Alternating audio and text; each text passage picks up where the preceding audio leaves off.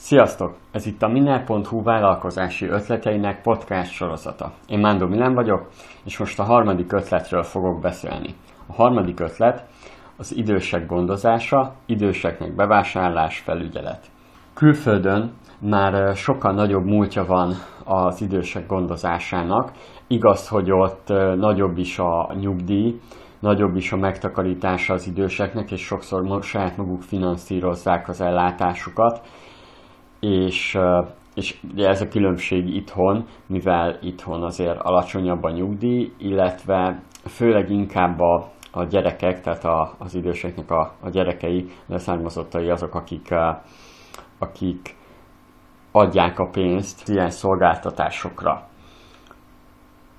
fontos kiemelnem az idősek otthonát, hiszen maga ez az ötlet is abból alakult ki, hogy több cikkben is, több hírben is olvastam azt, illetve saját tapasztalat is az, hogy hogy az idősek otthonába azért tényleg nehéz bekerülni. Szinte a legtöbben már olyan várólista van, hogy tényleg csak akkor lehet bekerülni, ha valaki éppen hát, hát elhalálozik, és akkor ugye a helye megüresedik kevés, kevés az idősek otthona ahhoz, amennyi idős szeretne oda bekerülni.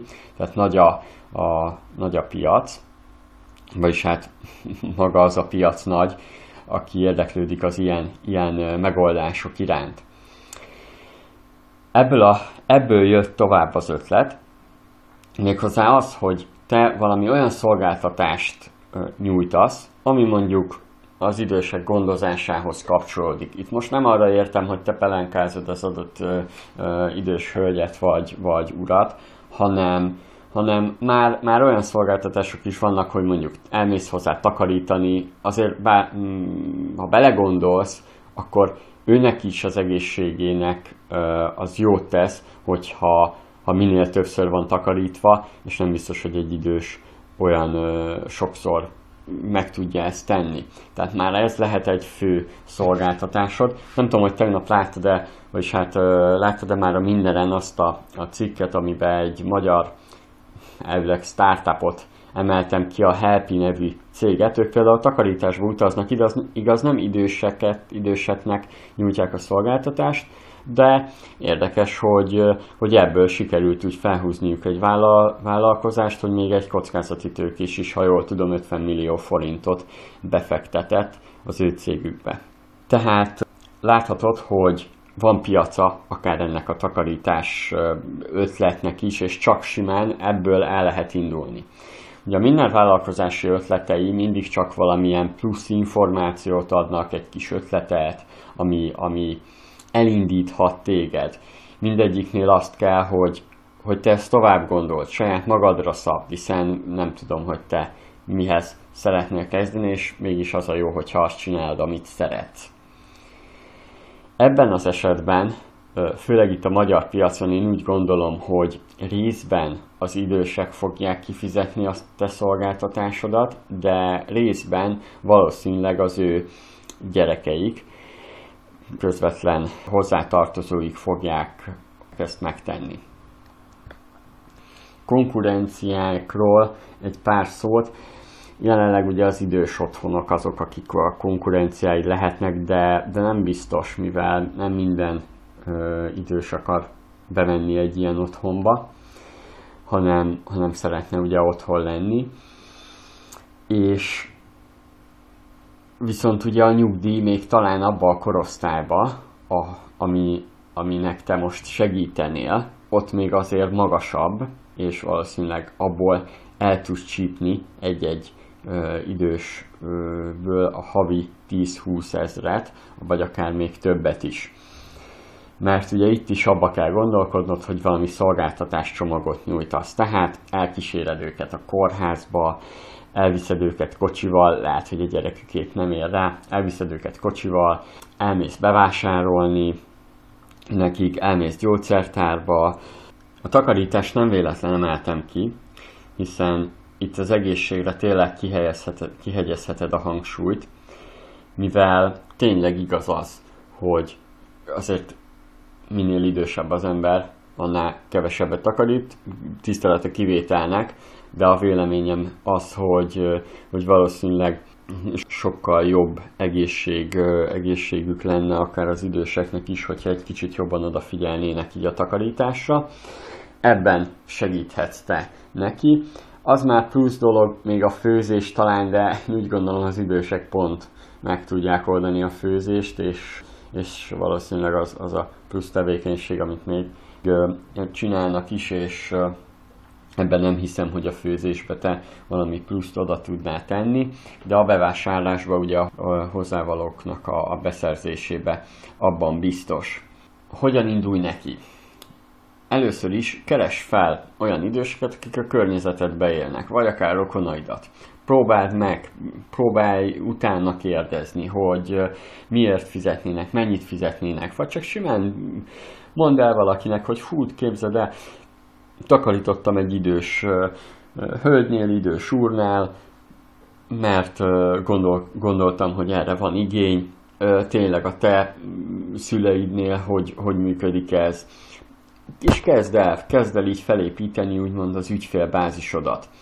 Lehet, hogy, hogy tényleg havi szinten több helyre is tudsz így menni, és már is el tudod kérni azt a, akár takarításonként azt az 5-10 ezer forintot, ami azt is, ha úgy nézed, heti egy takarítást vállalsz így, ami, ami tényleg jó az időseknek is, akkor már abból van 5000 forintod, és akkor még a plusz dolgokat nem is mondtam, elmész takarítani, közben megbeszéltek, hogy amíg odaérsz a takarításra, addig elmész bevásárolni, az idős hogy elmondja, hogy mit kell bevásárolni a boltba, akkor ezért még kérsz plusz felárat, tehát érted? Tehát így jön ki maga a, a komplett szolgáltatásod.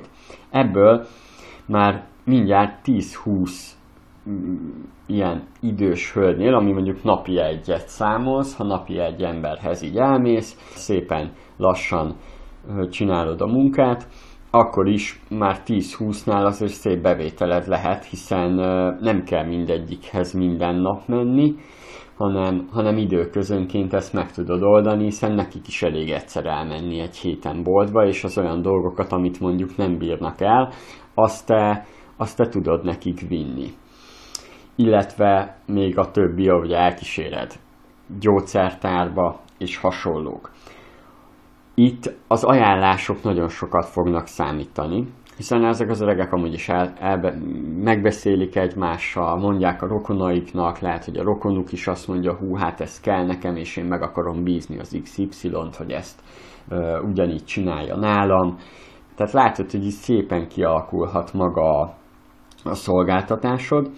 Apró hirdetésportálokra is feltöltheted az ajánlatodat, valószínűleg onnan is jönni fog egy-két érdeklődő, és amint mondtam, nem kell, hogy sok érdeklődő jöjjön be ahhoz, hogy, hogy te ebből nagyon jó megé, vagy nem azt mondom, hogy nagyon jó megé, de azért a havi uh, 150-200, sőt akár 300 ezer forintot is megkereshetsz úgy, hogy azért őrlángon csinálod a, a vállalkozást, tehát még nem is annyira uh, mész bele.